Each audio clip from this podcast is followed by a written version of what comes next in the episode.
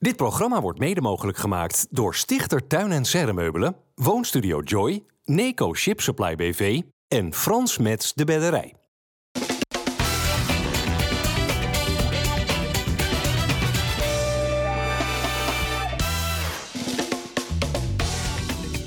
Goedendag dames en heren, hartelijk welkom bij FC Rijnmond. We gaan eh, napraten over het voetbal van dit weekeinde. En er is nogal wat gebeurd. Met Danny Buis, welkom Danny. Met eh, Dennis Kranenburg en met Geert den Oude.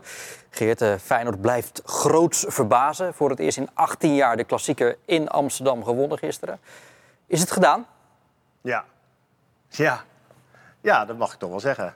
Nee, als je, als je dan ook later op de dag nog kijkt dat uh, en AZ en PSV ook even punten verliezen... dan, ja, dan, dan kan het eigenlijk niet meer misgaan. Dat, uh, zeker gezien het programma, dat hebben we al heel vaak gezegd. Ehm, en als je nu wedstrijden gaat verliezen tegen kleine clubjes... Ja, dan, dan is de focus er niet. En dat geloof ik niet. Dus... Nee, plus je hebt een buffer. Dus al zou je een keer nu even een uitgeleide maken. Je hebt een buffer van vijf punten. Dus dat is, moet voldoende zijn. Wat was het uh, verschil? Wat maakte het verschil gisteren, Danny, tussen Feyenoord en Ajax?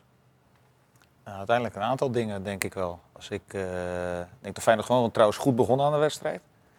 Voor mij ook met heel veel, wilden ze met heel veel druk vooruit spelen, wilden ze ook risico's innemen. Dus zelfs in de 1 op 1 met Simanski soms naast uh, Jiménez, met, met Jan Baks en Idrissi nog op de flanken. En het doordekken van Kutsku en Wiever in het middenveld als nodig was. Terwijl Ajax daarentegen dat op een andere manier probeerde. Die probeerde het in ondertal te doen. En af en toe een lange bal. Ja, en daar zat denk ik voor Feyenoord een groot verschil. Dat ze de tweede helft erin slaagden om uh, daar onderuit te voetballen onder die druk van Ajax. En ja, want na die sterke openingsfase werd het wel minder even met Feyenoord. Ja, en dat dat denk ik vooral te maken dat het voetballend niet lukte om, om onder die druk van Ajax uit te komen. Terwijl die mogelijkheden er wel waren. En dat is een enorm compliment naar spelers en staf.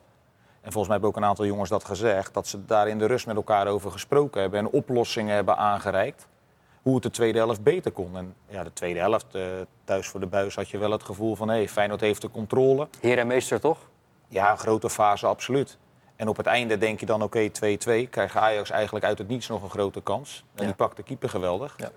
En daarna valt hij toch met een corner nog binnen. Maar uh, als ik ook de tweede helft, de bereidheid en de collectiviteit bij Feyenoord zie, de teamspirit, de energie, ja, dat is wel echt geweldig. En daar heb je ook wel het verschil gemaakt. Want ja, bij Ajax een paar spelers erbij ziet lopen, die hebben dat een stuk minder dan de jongens van Feyenoord. Ja. Heb jij je stemband dan eigenlijk nog? Of heb je die op de terugweg op de A10 moeten oprapen? Ja, Arne Slot had hem uh, meegenomen van naast de dugout. Dus dat was uh, heel aardig uh, van hem. Ja, nee, dat is zo'n wedstrijd waarin je meegaat in alle emoties. Hè. Dat loopt natuurlijk al dagenlang op richting die wedstrijd.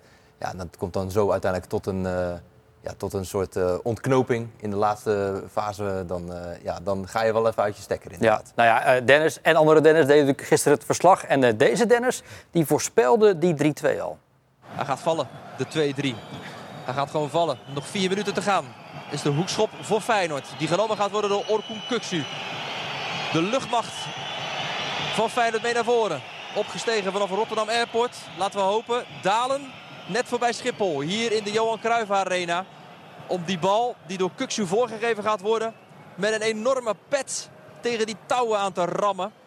En de drie punten richting Rotterdam mee te proberen te nemen. Als de hoekschop genomen gaat worden door Kuksu. Daar komt hij. Hij wordt verlengd. Let's go! Ja! Ja! Het is Geertruida! Het is Geertruida die hem binnenkrikt. Geertruida doet het. In de slotfase van deze wedstrijd doet Feyenoord wat het het hele seizoen al doet. Namelijk doelpunten maken. En deze keer is het Lutjarel Geertruida die hem binnenkopt. Met zijn kop tegen de touwen. Feyenoord op voorsprong. 3-2. ja, er zijn er twee in het hele stadion die uit de stekker gaan. Behalve natuurlijk uh, spelers en technische staf. Dat is hij, Dennis en andere Dennis. Ik zag ook wel gelijk uh, iets van 40 hoofden zo omdraaien van welke idioten zijn daar zo los aan het gaan. Nou, dat weten ze zo langzamerhand toch wel. Ja, maar gelukkig. Uh, het mooie was wel na afloop, dat moeten we toch even zeggen, dat er dan gasten naar je toe komen van, van, van Ajax. En die zeiden van, hé hey, Rijmond, kakkelakken. Ik dacht, nou, die gaan, die gaan zitten zeiken.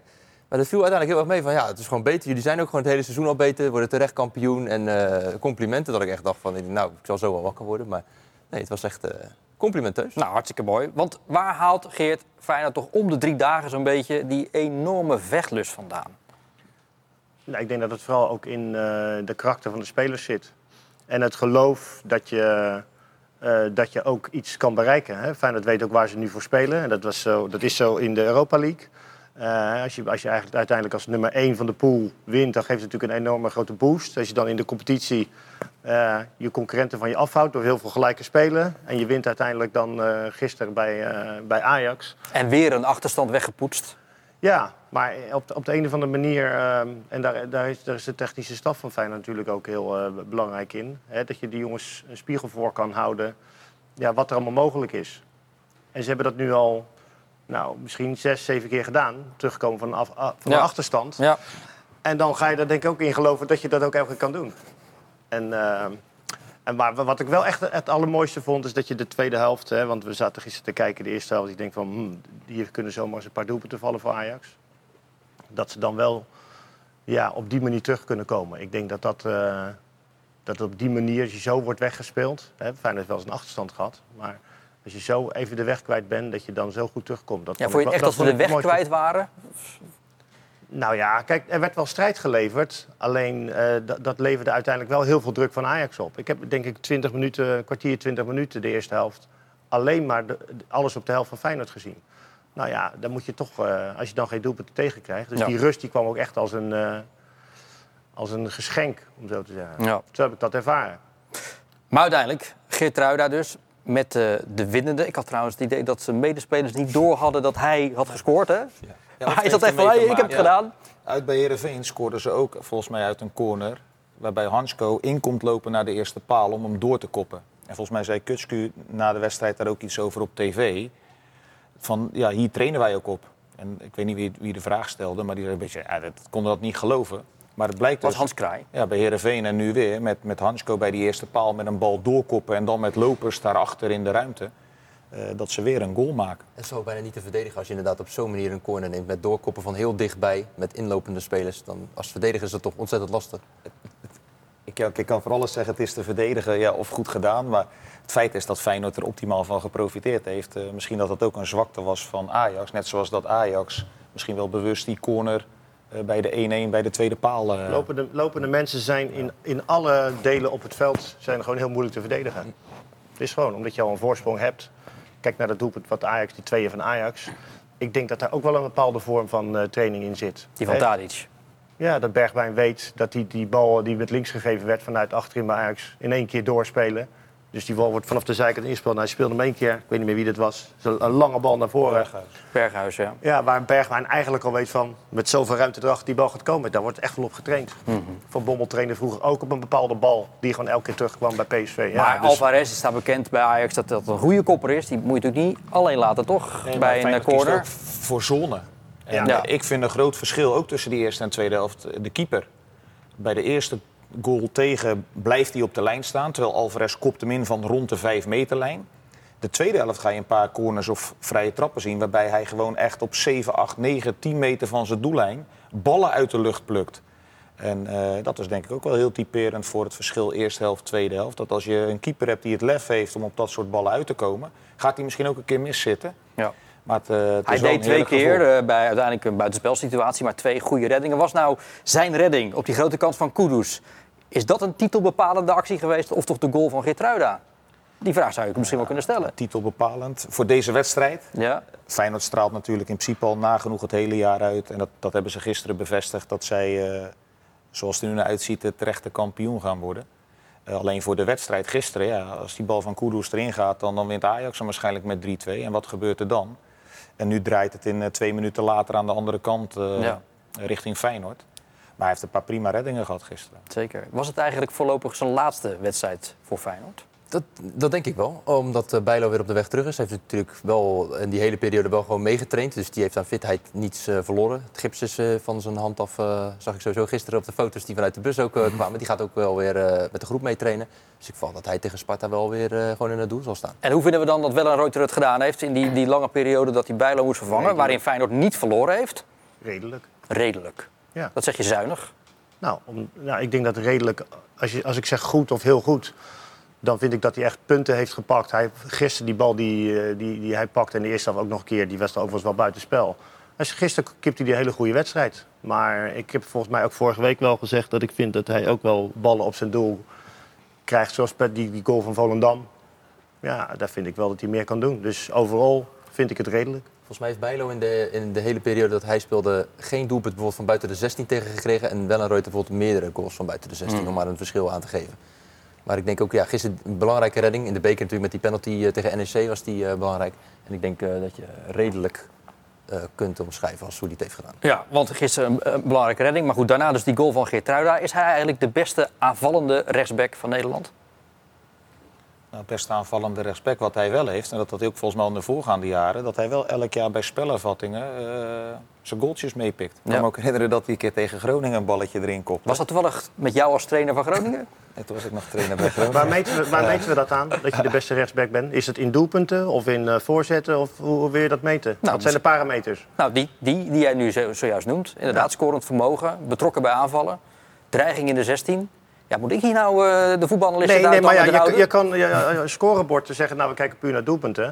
Maar ik kan nog wel een paar eh, backs noemen die dan niet per se scoren. hè. Want een rechtsback, kijk, een rechtsback uit een voetbalaanval een doelpunt maken, dat vind ik dat je dat moet tellen. En niet eh, standaard situaties. Dat vind ik Maar als je dan. op die positie kijkt, heeft Feyenoord het wel goed voor elkaar op ze rechtsback. hebben ook Want nog Pedersen. Geertruida en Pedersen, terwijl andere clubs, Ajax heeft daar heel veel moeite met de invulling. eh, want die zeiden gisteren dat ze heel erg Rens misten, maar die heeft ook ter discussie gestaan. PSV heeft heel veel moeite op die positie. Dus Nou, op dat die vlak rechtsback heeft, van eh, AZ is een eh, jongen die heel veel meekomt. Heel voetballend, veel voorzetten ook geeft. Nou, Pedersen vind ik ook... eh, die, die, die, die komt misschien nog wel vaker en verder naar voren dan eh Geertruida. Het was een prachtige week voor Geertruida. hè, Geselecteerd voor het Nederlands elftal. Op een mooie wijze zaterdag op die laatste training ook bekendgemaakt... dat hij zijn contract met een jaar heeft verlengd. Dat is ook wel iets moois, hè? Dat zo'n speler dat ook doet. Want hij zei, ja, het is niet alleen goed voor mij, maar het is ook goed voor de club. Waardoor de club geld aan mij kan verdienen. Dat is ook wel echt een hele mooie insteek. Want hij zou ook kunnen denken, of die zaakwaarnemers heb je ook... om dan op zo'n jongen in te praten van niet verlengen, niet verlengen. Want er zit er meer geld voor ons in. Ja. En dit is wel heel mooi dat zo'n jongen daar ook op zo'n manier eh, in zit. Kind van de club. En hij is nog niet klaar bij de club, heeft hij ook gezegd. Hè? Want hij zei ook van, ja, we zijn hier met iets moois bezig. En ik wil uiteindelijk gewoon prijzen winnen met Feyenoord. De club waar, eh, ja, waar hij van houdt. Dus eh, ja, mooi dat hij dat inderdaad heeft eh, gedaan. Hij zal ook wel een eh, salarisverhoging, denk ik, erin hebben bedongen. Dat hij daar dan ook omhoog is gaan. Want hij is natuurlijk echt wel gewoon een bepalende speler dit seizoen. Dus ja, mooi dat hij dat heeft gedaan. Het heeft alleen wel lang geduurd voordat het eh, zover is. Die onderhandelingen. Ja. hoe kwam dat?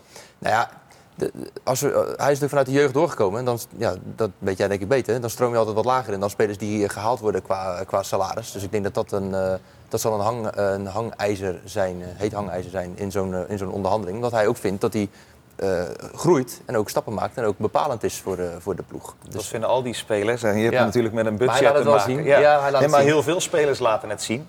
En je hebt met een budget te maken. Dus als je ze wil gaan openbreken en verlengen. Ja. Ja, eh, top dat hij wil meedenken. Hey, Als er dadelijk een eh, transfersom voor mij betaald moet worden, verdient de club er wat aan. Maar die jongen Ja. wil ook op korte termijn daar zelf wat voor terug. en hij zal nog niet van de zomer dan weg moeten. Want hij zal nog wel iets langer willen blijven om zich nog meer in de kijker te kunnen spelen. Want als hij nog maar één jaar contract zou hebben, dan zou Feyenoord misschien van de zomer wel moeten zeggen van we moeten nu weg gaan doen. Want anders levert hij over een half jaar of een jaar helemaal niks op. Champions League in, hè? Dat Ja. ik net zeggen. Als je kampioen wordt, ga ook nog de Champions League in. Dus ik ga misschien meer minuten maken bij het Nederlands elftal. Dat.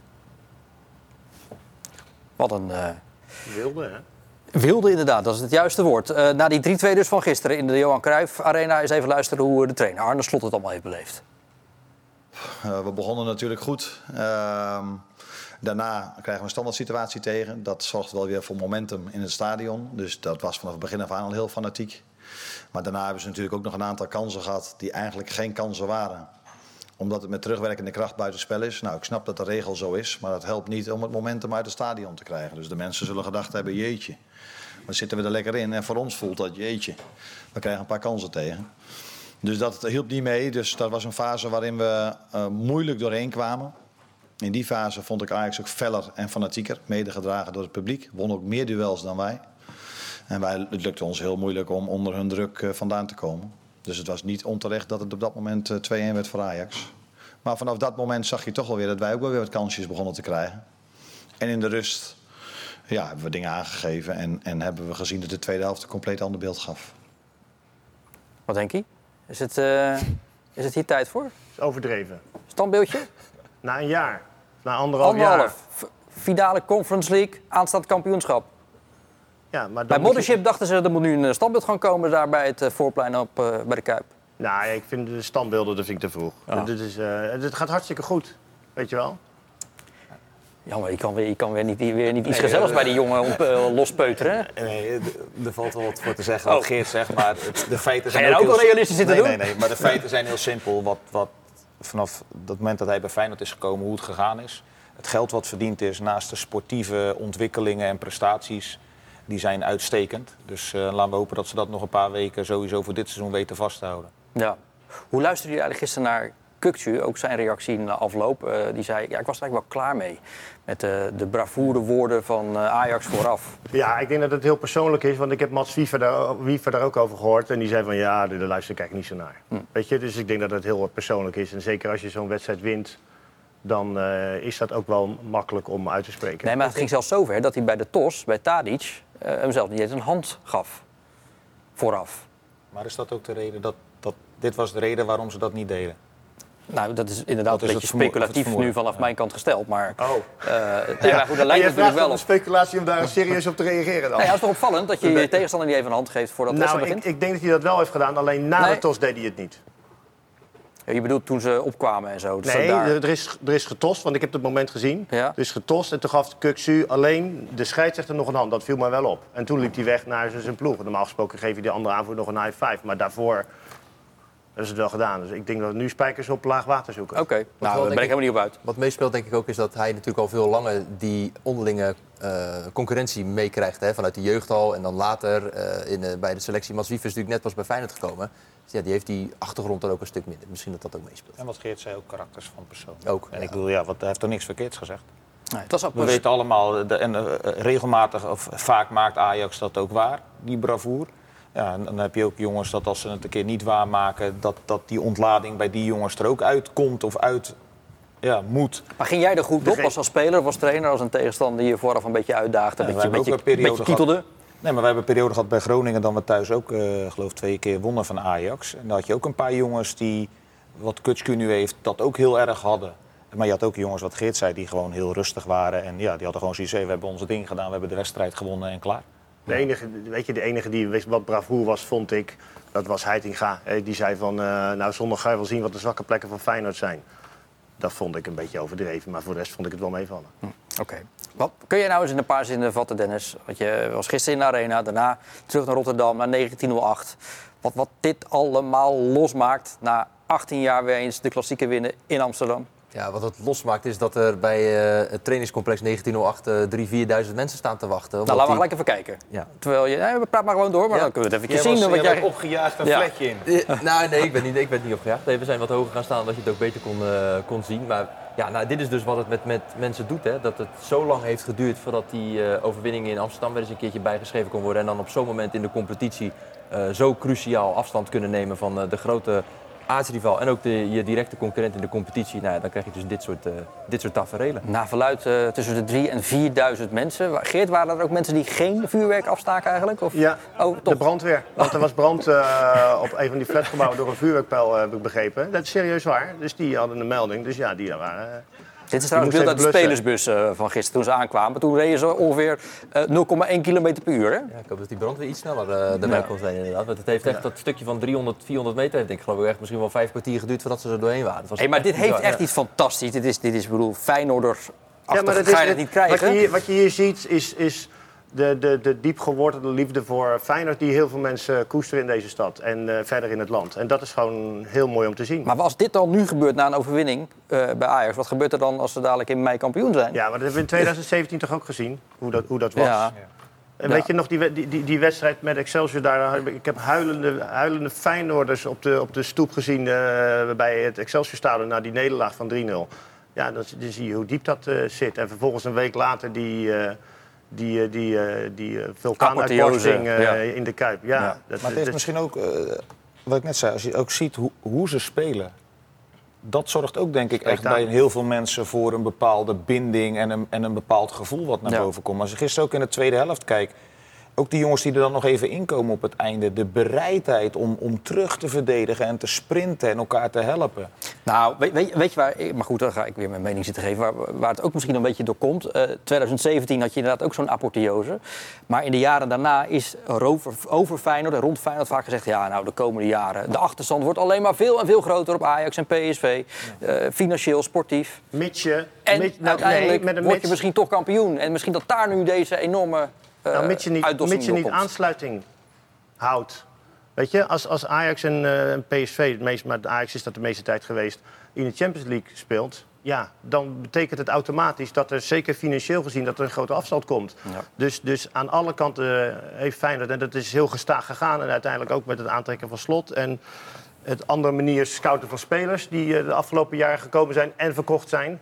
Ja, dat zijn hele kleine stapjes. En dit is weer zo'n stap. Want kampioen worden, dat is leuk. Maar er is ook nog iets na het kampioenschap. Hè. Dit soort spelers gaan ook weer weg straks. Het kan ook wat Dus- sneller gaan. Hè? Want je hebt natuurlijk de corona gehad waar die clubs enorme klappen hebben gehad. Onder andere ook Ajax financieel. Dan hebben ze een minder jaar. Eh, en als Feyenoord daarentegen weer één of twee goede jaren hebt... met veel financiën die binnenkomen, maar ook gewoon kwaliteit op het veld. Ja, ik ben benieuwd. Ja, we gaan het zien. Even terug nog naar gisteren. Want ja, een paar Alweer? duizend man. Ja, ja, daar gaan we nog een paar keer door, Geert. Ehm, want ja, het was natuurlijk eh, een gigantisch feest rondom het trainingscomplex. En daar tegenover heb je een paar van die seniorenwoningen. En daar woont onder andere de 87-jarige Annie. En die keek natuurlijk haar ogen uit. De Feyenoordbus is onderweg naar 1908. Het zijn heel veel mensen. Hoeveel denkt u, eh, Annie? Wat zei je?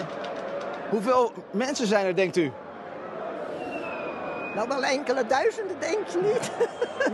En u woont hier. U eh, gaat voorlopig niet naar bed. Ik slaap aan die kant. dus dat scheelt wel. Wat een mensen? Ja, ik vind het prachtig om te zien. Ja, Vindt u het mooi? ja, Waarom? ja. Wanneer, voor het laatst zijn ze, zijn ze kampioen geweest. Zouden ze het nu worden, kampioen? Ik hoop het voor ze. Even kijken.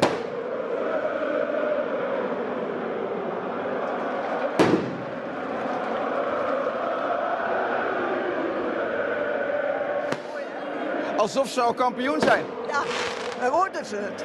Hoeveel wedstrijden nog? Nog acht. Zes punten voor. Zegt u nou even dat ze kampioen worden, dan gelooft iedereen er echt in. Ze worden kampioen. Volgens mij wordt ze redelijk eh, verplicht dit nu te zeggen. En zag je toch enige reserve nog, Geert, over dat aanstaande kampioenschap. Ook bij Annie. Ja, en ik vond het vooral- vooral ook leuk dat Frank aan haar vroeg om half zes middags. U gaat voorlopig nog niet naar bed. Optimistisch zoals Frank altijd is. Ja. Was het terecht de wissel van Hartman? Ik denk gewoon een hele slimme wissel. En ik denk dat Hartman dat zelf ook eh, snapt. En die jongen die is natuurlijk teleurgesteld en gefrustreerd, want die wil langer op veld staan. Ja. Alleen voor ja, hij geeft assist op de 0-1. Ja. Hij heeft nog een verdedigend een geweldige actie dat hij een schot blokt van Bergwijn. En dit zijn ook leer, leergeld wat, wat je moet betalen in jouw ontwikkeling. En op dat vlak durf ik het een beetje te vergelijken met Malasia, die in het begin ook wel eens wat een rode kaart pakte. Je zegt druistig, Ja. te wild, Ja. onnodig om dat daar te doen. Dat geldt misschien nu voor hem ook. Ja, dan ga je zien in de komende 1, 2 jaar gaat hem dit niet overkomen. En dan gaat hij gewoon die klassiekers uitspelen. Maar als ik gewoon kijk naar hoe hij het invult, dan is dat, vind ik, gewoon een genot om naar te kijken. En moet je accepteren dat dit leergeld erbij hoort. En heeft Arne het, denk ik, uitstekend gedaan. En met Lopez werd het niet minder. Zeker niet. Nee, nee zeker niet. Ook, eh, ja, dat vond ik trouwens in die wedstrijd tegen Shakhtar, waarin hij eh, speelde, deed hij het ook, eh, deed hij het ook aardig.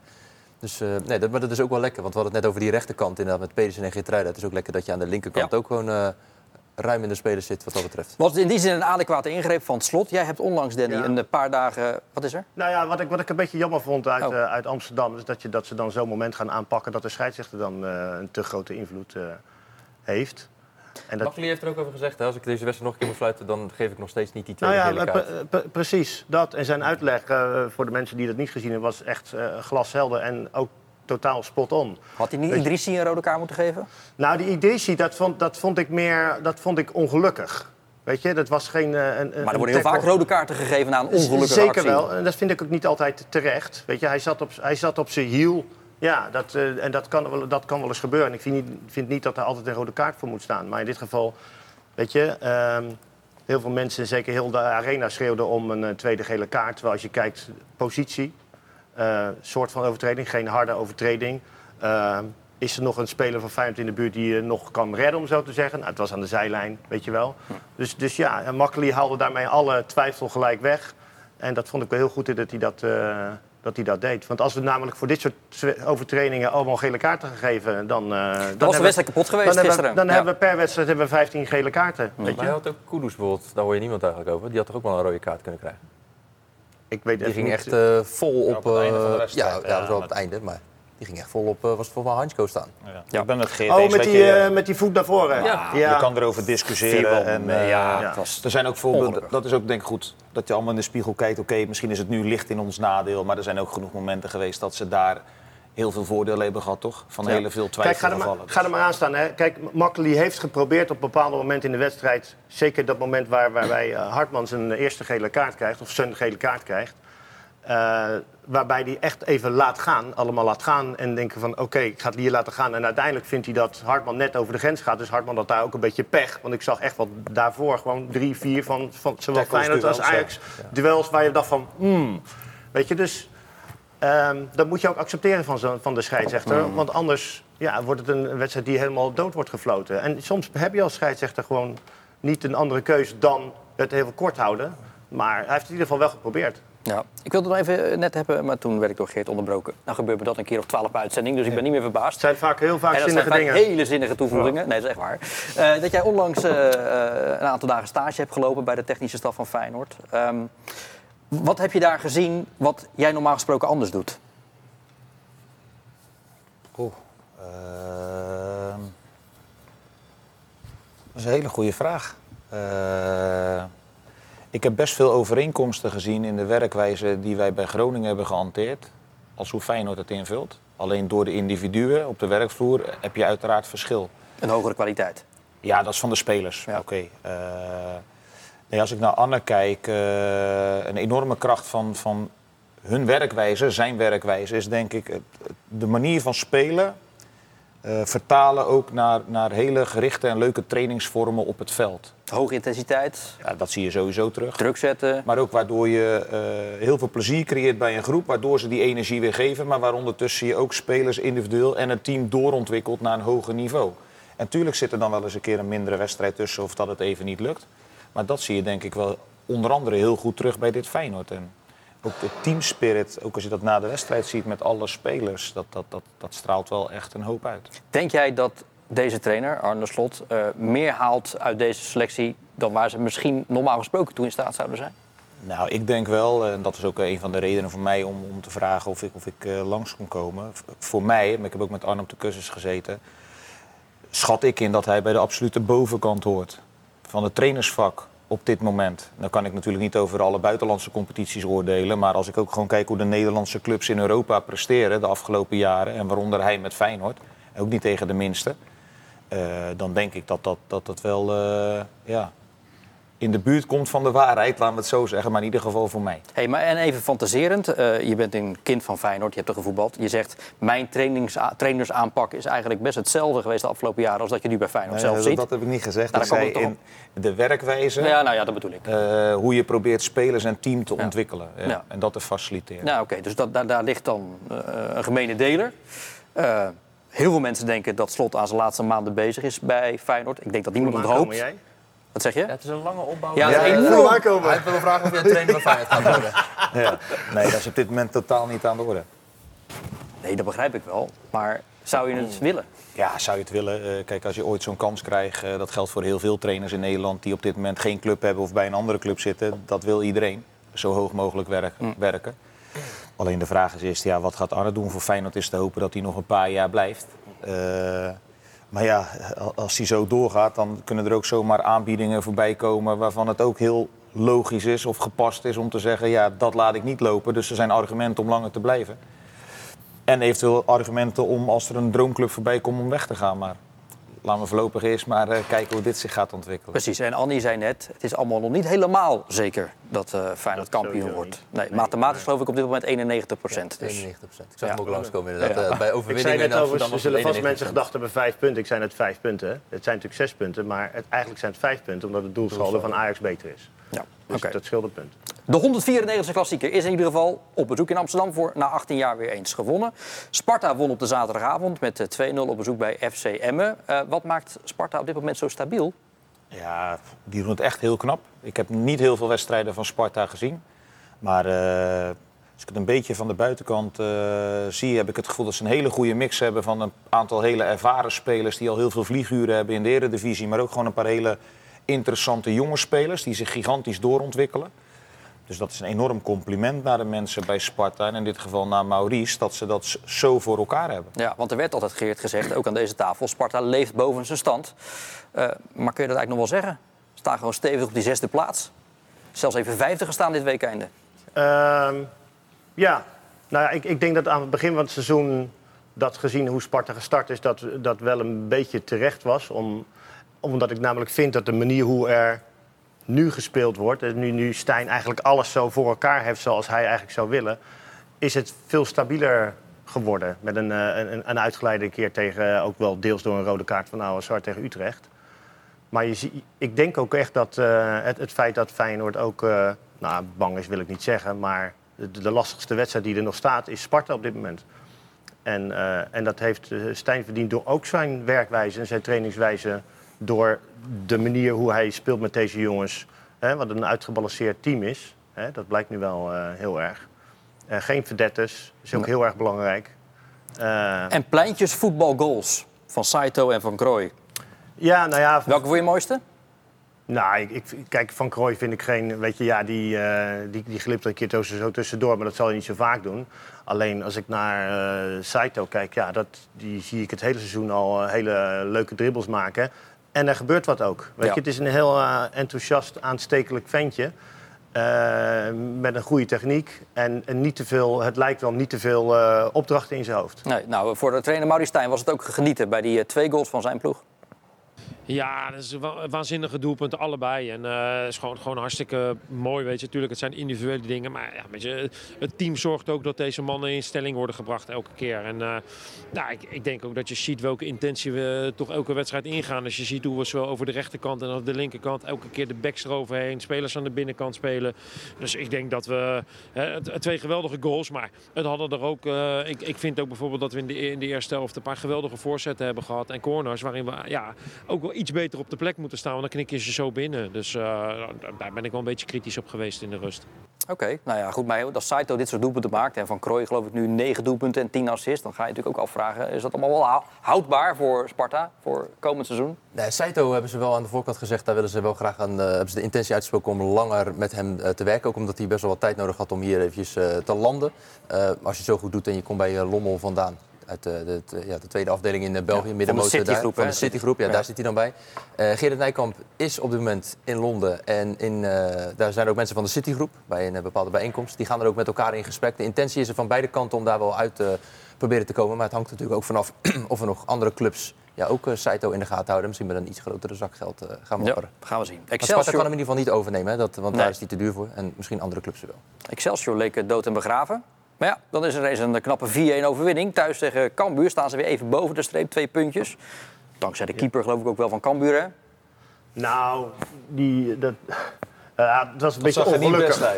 Het was een beetje ongelukkig. Ja. Weet je, dat tweede doelpunt dat wordt aangeraakt en dat gaat dan door zijn benen heen. Weet je, ja, eh, maar ik vond dat heel.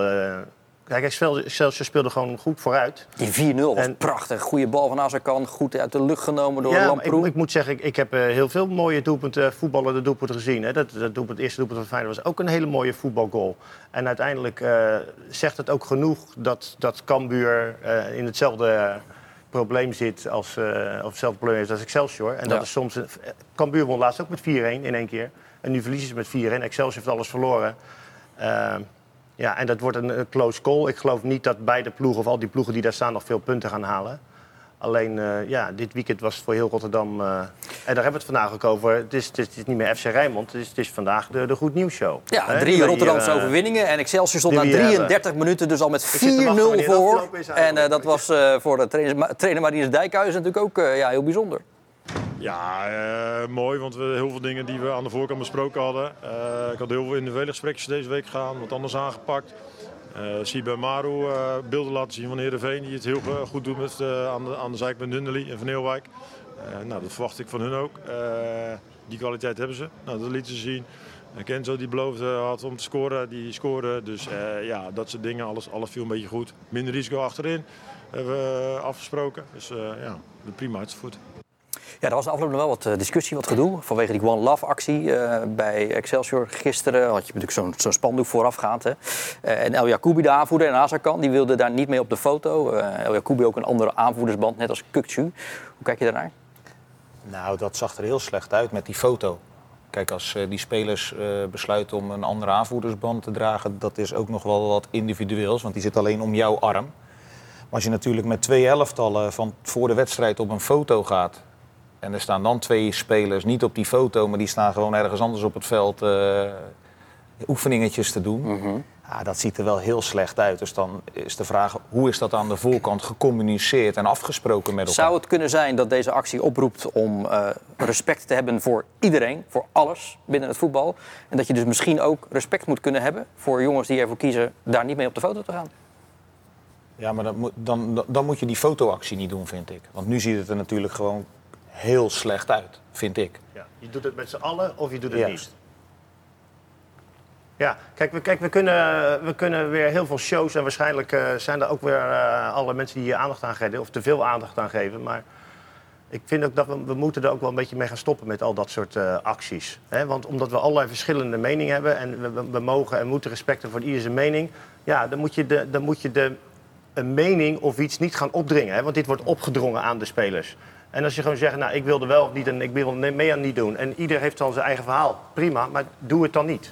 Maar zou het van tevoren dan niet gezegd zijn tegen die groep van jongens, zo gaat dat volgens mij normaal. Dan zeggen ja, voor de wedstrijd is er een minuut stilte of voor de wedstrijd gaan we een minuut klappen. Of voor de wedstrijd hebben we even dat we met elkaar op de foto moeten. Dus dan is het toch besproken. En als er dan een paar jongens zeggen ja, maar dat doe ik niet. Ja, dan lijkt het mij toch heel duidelijk dat je daarover in gesprek gaat en dan een keuze maakt. Of we doen het met z'n allen of we doen het met z'n allen niet. Ja, ja. Maar nu ziet het er gewoon niet goed uit, vind ik, voor een club als Excelsior.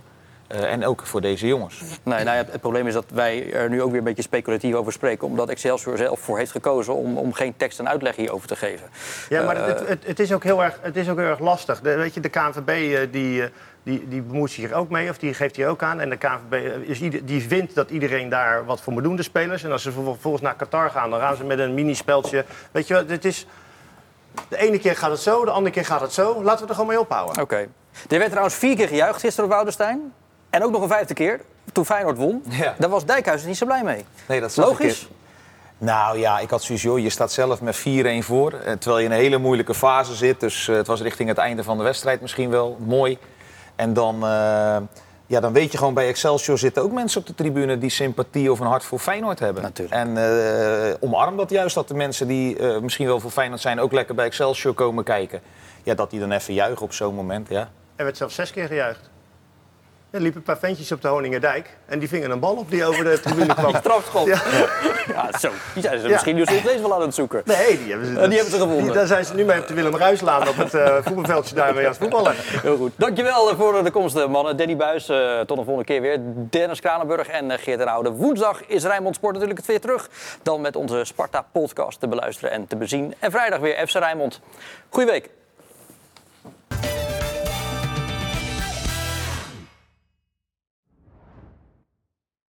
Dit programma werd mede mogelijk gemaakt door Stichter Tuin en Serremeubelen, Woonstudio Joy, Neco Ship Supply BV en Frans Mets de Bedderij.